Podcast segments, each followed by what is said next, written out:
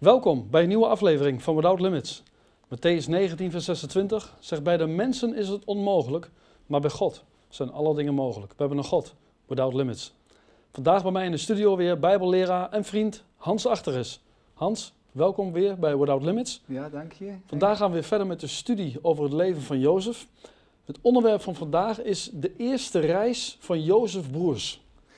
Ja, dat is uh, natuurlijk ongekend spannend, want uh, na twintig jaar gaat uh, wordt daar iets gearrangeerd van boven, wat niemand had kunnen bedenken, maar wat zich werkelijk afspeelt. En dat staat in Genesis 42, tenminste het begint bij vers 1 tot en met 4. Als je dat zou willen voorlezen, Henk, dan graag. Ja. Toen Jacob vernam dat er in Egypte koren was, zeide hij tot zijn zonen: Waarom ziet gij elkander aan? Voort zeide hij: Zie, ik heb gehoord dat er in Egypte koren is. Trek daarheen en koop daar koren voor ons, opdat wij in leven blijven en niet sterven. Toen trokken tien broeders van Jozef heen om in Egypte koren te kopen.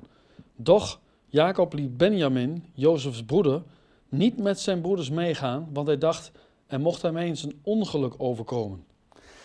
Ja, dat, dat klopt. Dat is eigenlijk uh, 1 tot en met 4, hè? Ja. Uh, ja, mijn eerste vraag die ik eigenlijk heb. Je zit in het beloofde land, je bent Gods uitverkorene en toch honger lijden. Ja, nou ja, die vraag is nogal kernachtig, Henk, die je doet. Uh, dat de aartsvaders Abraham, Isaac, Jacob, die blijken allemaal, als je in Gods woord leest, honger, dat er een hongersnood was in het beloofde land. En ik denk dat God dat toelaat, opdat zij leren het beste vaderland te zoeken, maar dan met hoofdletters. En dat is boven. Er zullen op, in, op aarde ontmoedigingen zijn. Ook ben je een gezegende, ook ben je een kind van God. Er zal altijd, soms zelfs onverwachts, tegenwind kunnen komen. Maar we weten, om het zo uit te drukken, dat de vlieger gaat niet eerder naar boven dan dat door tegenwind. En uh, dat is soms ook Gods bedoeling, dat we hoger komen als het tegen zit. En uh, ja, de broers, dat is natuurlijk iets bijzonders. Via hun vader, die zitten daar bij elkaar en die horen voor het eerst via hun vader de naam Egypte. En ze horen de opdracht hè, van ga naar Egypte. Nou, hier zie je dus, God begint te knagen aan dat geweten, aan die dingen die weggestopt zijn, die onder, ja, inderdaad in het onderbewustzijn zitten.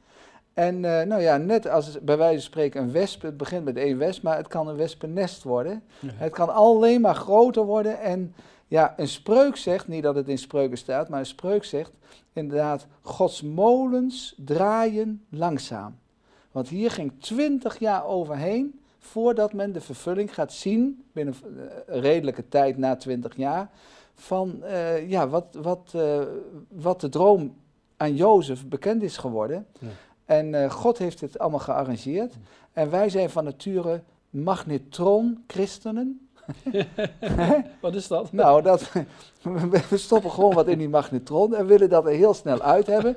Dus wij bidden en wij willen heel graag snel verhoring en heel snel God aan het werk zien. En niet inderdaad na jaren. Ja. Hè? Maar God werkt inderdaad op zijn manier. Maar als die werkt, dan gebeurt het natuurlijk chirurgisch. Hè? Dus hij doet dat soms, zoals hier, door gewone menselijke kanalen, door honger. Jacob, hun vader, port hun op, want ze zitten elkaar een beetje aan te kijken. Misschien hebben ze al geen zin, omdat ze denken, hé, hey, onze broer is ook naar uh, Egypte, uh, ja, inderdaad uh, ontvoerd en als slaaf verhandeld. Maar Jacob zegt, neem de pakegels, ga en koop, koop koren, want er is hongersnood, en neem geld mee. En Benjamin blijft, blijft hier. En dat wordt de inleiding tot de ontmoeting met Jozef na twintig jaar. Dat is natuurlijk ontzettend indrukwekkend. Geen toeval. En uh, misschien, ja, het is een beetje lang, maar laten we eens goed luisteren voor degenen die kijken en luisteren naar wat je wil voorlezen uit Genesis 42, vers 5 tot en met 38. Oké, okay, 5 tot en met 38. En als u een Bijbel thuis heeft, dan mag u uiteraard meelezen. Genesis 42, vers 5 tot en met 38. Onder diegenen die kwamen om koren te kopen, waren ook de zonen van Israël. Want er was hongersnood in het land Canaan. Jozef nu was de macht hebben over het land. Hij was het die aan al het volk van het koren. Hij was het die aan al het volk van het land koren verkocht. Toen nu de broeders van Jozef aangekomen waren, bogen zij zich voor hem neer met het aangezicht de aarde. Hier zien we ook een stuk van de droom terug. Hè? Zodra Jozef zijn broeders zag, herkende hij hen, maar hij deed alsof hij een vreemde voor hen was. Hij sprak hen bits aan en zeide tot hen: Van waar komt gij? En zij zeiden: Uit het land Canaan om voedsel te kopen. Jozef herkende zijn broeders wel, maar zij herkennen hem niet. Toen herinnerde Jozef zich de dromen die hij van hen gedroomd had. En hij zeide tot hen: Gij zijt verspieders, gij zijt gekomen om te zien waar het land open ligt. Doch zij zeiden tot hem: Nee, mijn heer, maar uw knechten zijn gekomen om voedsel te komen. Wij zijn allen zonen van één man, wij zijn eerlijke lieden, uw knechten zijn geen verspieders. Doch hij zeide tot hen: Nee, maar gij zijt gekomen om te zien waar het land open ligt. Daarop zeiden zij: Uw knechten waren twaalf in getal. En wij, broeders, zonen van één man in het land Canaan. En zie, de jongste is thans bij onze vader, en één is niet meer. Toen zeide Jozef tot hen: Het is zoals ik tot u gesproken heb. Gij zijt verspieders. Hieraan zult gij getoetst worden. Zo waar Farao leeft, gij zult van hier niet weggaan, tenzij uw jongste broeder hierheen komt. Zend één van u om uw broeder te halen, maar gij zult gevangen blijven. Zo zullen uw woorden getoetst worden of gij de waarheid spreekt. Maar indien niet, zo waar Farao leeft, dan zijt gij verspieders. En hij zet hen gezamenlijk drie dagen lang in hechtenis. Op de derde dag nu zeide Jozef tot hen: Doe dit, opdat gij in leven blijft. Ik vrees God. Indien gij eerlijke lieden zijt, laat dan één broeder van uw gevangenen blijven in het huis van bewaring. Maar gaat gij heen, neemt koren mee voor de honger uw gezinnen.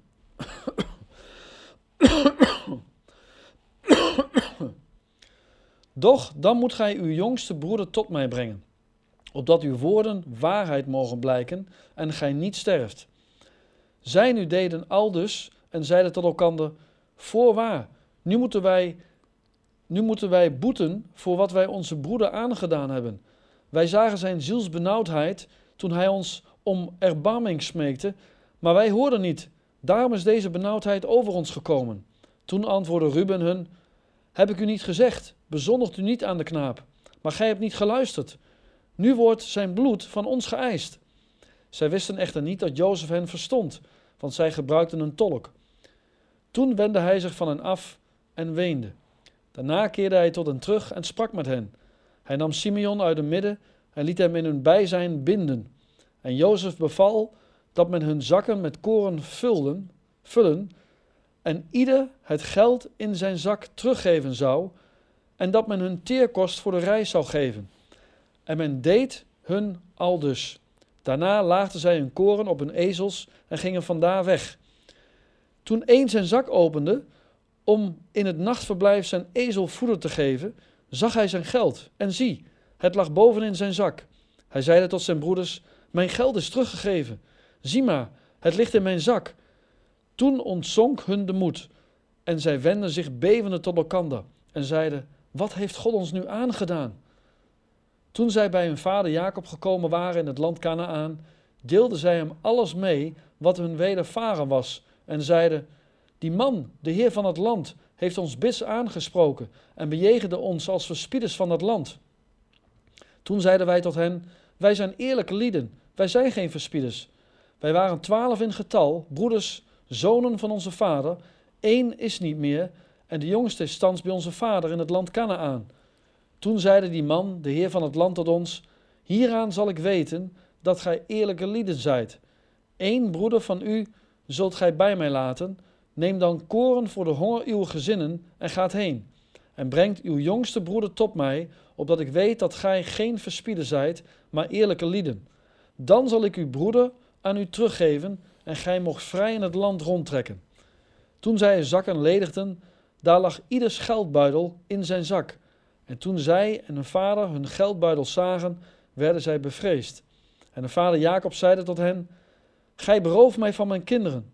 Jozef is niet meer, en Simeon is er niet meer, en Benjamin wilt gij meenemen. Dit alles is tegen mij. Toen zeide Ruben tot zijn vader: Gij moogt mijn twee zonen doden, indien ik hem niet bij terugbreng. Geef hem onder mijn hoede, en ik zal hem tot u terugbrengen. Maar hij zeide: Mijn zoon gaat niet met u mee, want zijn broeder is dood en hij is alleen overgebleven. Overkomt hem een ongeluk op de weg die gij zult gaan, dan zult gij mijn grijze haar met verdriet in het dodenrijk doen nederdalen. Jozef, hè, die heeft een goed leven. Waarom maakt God een oude wond weer open? Hè, want hij ziet ineens zijn broers. Ja, omdat Gods droom komt altijd piekfijn uit. Uh, als God spreekt, dan zal het gebeuren. Soms kan het inderdaad door pijnlijke momenten heen, om het zo uit te drukken, hij maakt, God maakt van citroen, citroenlimonade. Ja. de broers hebben een torenhoge schuld. Jozef behandelt hen, als hij ze ontmoet, als machthebber. Uh, als, hij was ook machthebber over Egypte en hij was ook degene die de buitenlanders ontving en besluiten nam om hun graan of koren te geven. Ja. En dan op, inderdaad plotseling, opeens, onaangekondigd, onverwachts en ongedacht, staan daar, tot zijn schrik natuurlijk ook, uh, hij wacht, ze wachten gewoon hun beurt af om voor de onderkoning te verschijnen, staan daar die tien broers. Dus uh, zij herkennen hem niet, maar hij herkende hen wel direct. Hij was natuurlijk als Egyptische vorst uitgedost, pracht en praal. En Jozef spreekt Egyptische taal. Hij spreekt door middel van een tolk tot hun. Het is dus niet zijn moedertaal, terwijl hij die natuurlijk wel verstond. En voor hun was het onderkoning Safnat Panea. En dan zien we, ik zal het eens lezen in, in uh, nog een klein stukje in uh, Genesis 42, vers 6. Jozef nu was de macht hebben over het land. Hij was het die aan al het volk van het land koren verkocht. Toen nu de broeders van Jozef aangekomen waren, bogen zij zich voor hem neer met het aangezicht ter aarde. Jozef herinnert zich inderdaad de vervulling. Hij ziet van, hier staat wat eigenlijk uit wat eigenlijk in de droom geopenbaard is. die korenschoof in het midden en die tien eromheen. He, er staat hier in Genesis 37, ik, Jozef, heb gedroomd dat mijn schoof recht overeind bleef staan. Die van jullie, tien broers, gingen er in een kring omheen staan en maakten een buiging voor de mijne. Zelfs hun buiging was zo diep tot op de grond. En hoewel Jozef zijn broers had herkend, herkenden ze hem niet. En Jozef herinnerde zich wat hij eens over hen gedroomd had.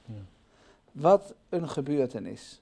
Wat een gebeurtenis daar, inderdaad, aan het hof, zou ik haast zeggen. Hij was incognito en Jozef herinnert zich de vervulling. Deze broers waren nog steeds ruwe brokstukken. maar ze waren de toekomstige stamhouders of stamvaders van Israël. En ze moesten gepolijst worden. We kunnen ruw zijn, maar als God bezig gaat, wil hij gepolijste stenen in zijn gebouw. Hij, hij, wil dat als we van beton zijn, dan wil hij dat we klei worden. En dat we nederig worden. En dat is ook niet altijd makkelijk, maar het is nodig. zodat hij ons ook kan vormen. Ja. wat vind je van hè? dat uh, Jozef eigenlijk zijn broers zo streng aansprak? Ja, hij, je dat moet hem toch moeite gekost hebben? Ja, maar ik denk dat weer die wijsheid, die geest van God over hem kwam hoe en wat hij moest doen. Dat is iets van boven, dat is iets bijzonders. Hij ging streng, autoritair en hard met hen om en beschuldigde hun direct van: jullie zijn gevaarlijke mensen, jullie zijn spionnen, jullie zijn tegenstanders, jullie komen kijken hoe je hier de zaak in Egypte inderdaad uh, misschien op een bepaalde manier aan koren kunt komen. Maar hun zeggen: we zijn eerlijke mensen. Hij wist natuurlijk beter. Hè? En, en hun maar zeggen, wij zijn eerlijke mensen. En Jozef hanteert door God de boor. De boor moet door het ijs heen. God is aan het werk. Hij, hij zegt tegen hen, jullie hebben boze bedoelingen. God komt door Jozef heen met zijn pijlen. En dan uh, eens even kijken wat ik hier heb staan. In dit boekje, bladzijde 31. daar heb ik inderdaad staan, de volgende dingen waren uh, nodig. Allereerst dat ze herinnerd worden aan hun vroegere zonde. Dat ze overtuigd worden van de ernst ervan in Gods ogen, van die zonde. Dat de gelegenheid krijgen om zich te bekeren. Dan konden zij vergeving ontvangen. Want deze tien mannen werden de stamvaders van Israël, Gods eigen volk. Hij had dit gezin uitverkoren en wilde dat ze zouden uitgroeien tot een groot volk, dat hem diende en waaruit zijn eigen geliefde zoon in de wereld geboren zou worden. Dus er waren dingen nodig om tot verandering te komen. En hij had gezegd inderdaad, jullie zijn verspieders. En uh, de schrik slaat om hun hart. Uh, Jozef denkt eerlijk, klopt jullie verhaal? Hij wist natuurlijk, dat klopt iets niet in. Maar als jullie verhaal klopt en je zegt, je vader is nog in Canaan en Benjamin is een zoon of een broer van ons die is nog thuis, dan uh, haal hem dan maar op. Laat dan maar zien dat je verhaal klopt. Ja. En uh, ze, ze worden verstrikt, ontsteld en ze begrijpen er niks van. Worden zomaar beschuldigd. Jullie verspieders. En hij zegt, laat één dan maar Benjamin ophalen en jullie gaan in de gevangenis. En hij deed ze allemaal eerst drie dagen in de gevangenis. Dus met andere woorden, God wekt dat schuldgevoel op. Niet uit rancune of haat deed Jozef dat, maar het was voor hem een soort testcase. Ze moesten drie dagen vertoeven bij het ongedierte. in de gevangenis. En het deed het als proef. daarna waren ze natuurlijk helemaal onzeker. He, grauw van aanzien. Ze waren in een crisis en ze waren angstig. En uh, uit de gevangenis kwamen ze in Jozef nabij, nabijheid. En ze spraken in natuurlijk Hebreeuws. En dan Ruben verwijt hen van, jongen, het, het volgende, ik lees dat even voor in vers 21 nog een keer. Daar staat, Voorwaar, nu boeten wij voor wat wij onze broer hebben aangedaan. Wij zagen zijn zielsbenauwdheid toen hij ons om genade smeekte. Maar wij hoorden niet. En daarom is deze benauwdheid, wat ons nu allemaal overkomt, gebeurd. Het verleden gaat leven. Het schuldgevoel is de boor Gods. Dingen die wij weggestopt hebben, zegt de Heer, ik ga ze naar boven brengen. En ze moeten naar boven komen. Jozef inderdaad hoort wat zijn broers onder elkaar zeggen. Moet eens kijken toen onze broer, wat we onze broer hebben gedaan, aangedaan. Daarom overkomt het ons. Het is logisch dat Jozef het te veel wordt. Jozef trekt zich terug. Hij keert zich om. Hij keert zich van hem af. En hij huilt. Het wordt hem te veel. En na verloop van tijd, misschien na een kwartier, herstelt hij zich. Hij komt terug en Jozef komt weer in de zaal terug en heeft diezelfde houding. En hij zegt, jullie gaan allemaal terug naar Canaan die broer ophalen. Simeon, die altijd meedogenloos was en hard, die wordt als gijzelaar met touwen gebonden en gevangen genomen. Ja, waarom Simeon eigenlijk? Ja, hij, hij, had iedereen uit kunnen kiezen. Ja, maar Simeon, en dat wist Jozef natuurlijk, en dat blijkt ook wel, was een driftkop. Dat staat ook in de profetie die de vader, Jacob, over Simeon later zal uitspreken, dat hij heftig is. En dat hij meedogenloos was, glashard. Hij had ook mensen zelfs om het leven gebracht in een bepaalde stad wat hem niet aanstond. Maar de Heere weet alle dingen. Hmm. En hij gaat soms die weggestopte zonden naar voren halen. Hij wil inderdaad de zonde van ons hart, zoals bijvoorbeeld begeerte hè, of wel eens liefdeloosheid, die wil God wel vergeven. Maar de zonde die we soms anderen aangedaan hebben, die moeten wij beleiden. Dan moeten we zeggen, vergeef me, verontschuldigingen. En inderdaad, het geweten wordt aangesproken door God. Het geweten is de onderkoning van God. Het geweten in de mens is de enige overblijfsel van de heiligheid van God. Waardoor God zegt, ik spreek tot de onderkoning van mij. En dat is het geweten van de mens. Veel mensen weten veel meer dan dat hun vrouw of hun man zelf weet. Maar sommige dingen zegt de Heer, ik ga daarmee aan de gang. Ik breng de dingen naar boven. Zo gingen alle broers terug naar Canaan met een bezwaard gemoed. Terug naar Jacob. Denkende, wat heeft God ons aangedaan? En na een dag willen ze koren pakken voor de ezels. En ze worden nog moedelozer, want er zit geld in de zakken. En ze vragen zich af waarom. En het gonst in hun hoofd. Wat een vreemde heerser, wat een vreemde machthebber. Ze zijn verbijsterd. Ze snappen hier niets van. Maar ze gaan al gebukter terug naar Jacob toe. En bij Jacob vertellen ze alles. Ze zeggen wat hun overkomen is. Maar ze brengen het aanlokkelijk. Ze vertellen niet van hun schuldgevoel. Ze vertellen niet tegen Jacob dat ze drie dagen in de gevangenis hebben gezeten. Maar ze proberen daardoor Benjamin mee te nemen.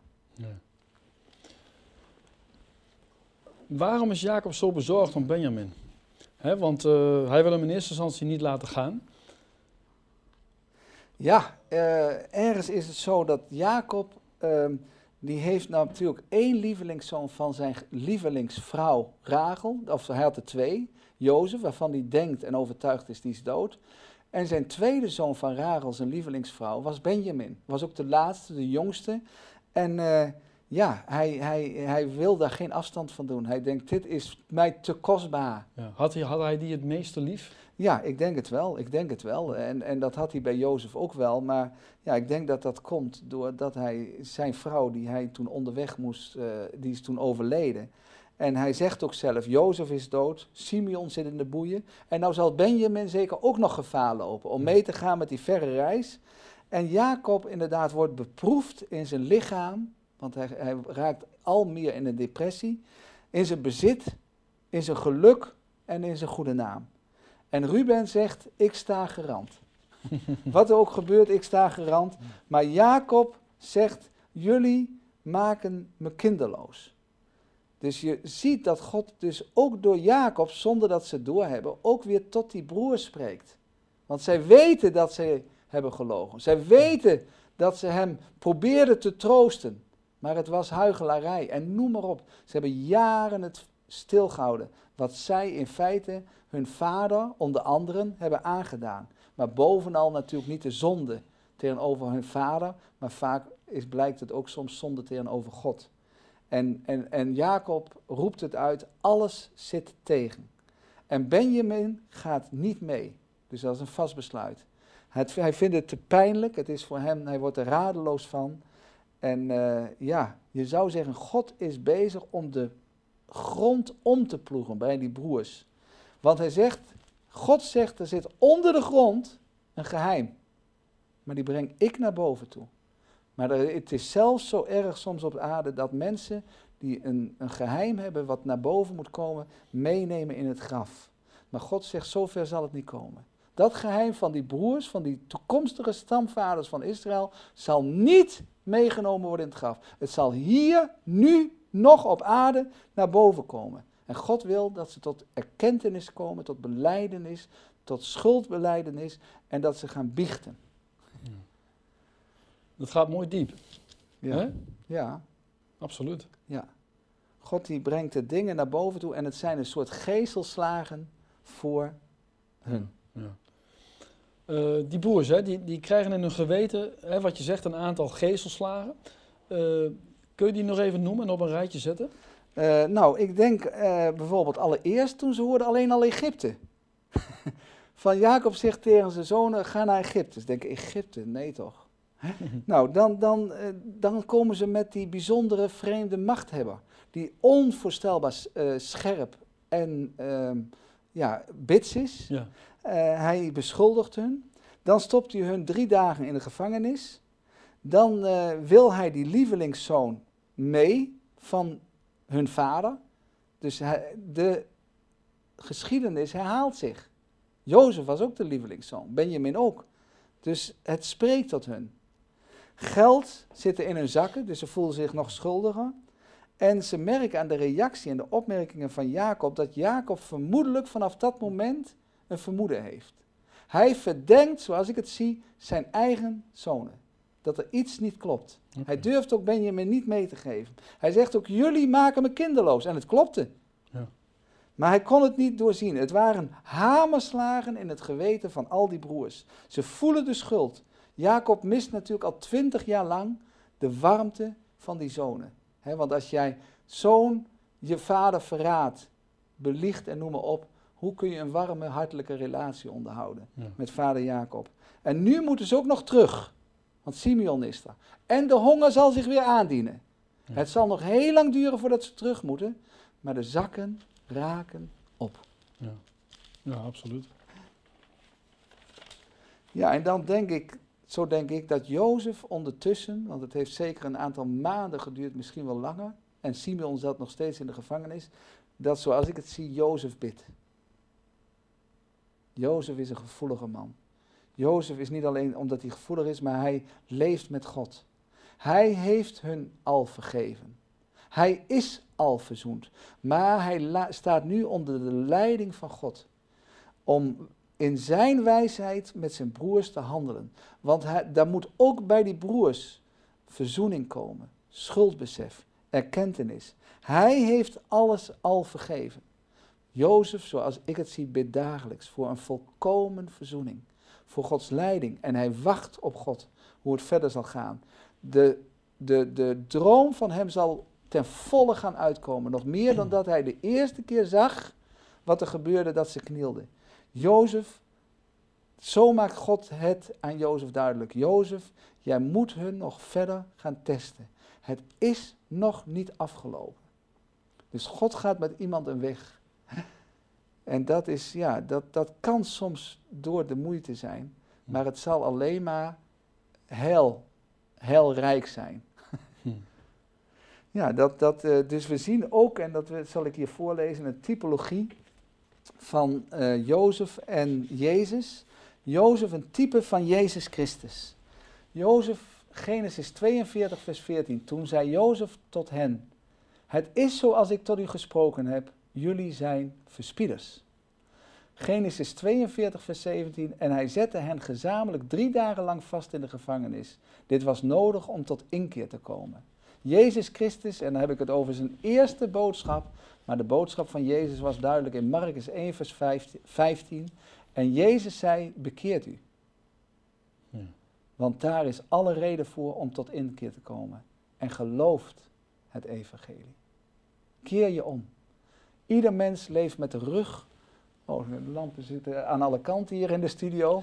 Maar laten we stellen dat er achter mij een, een non, onvoorstelbare uh, scherpe lamp is, en ik zou die lamp vergelijken met God, dan leven wij van nature allemaal met de rug naar God toe. Maar de Heer zegt, Jezus zegt, bekeer u.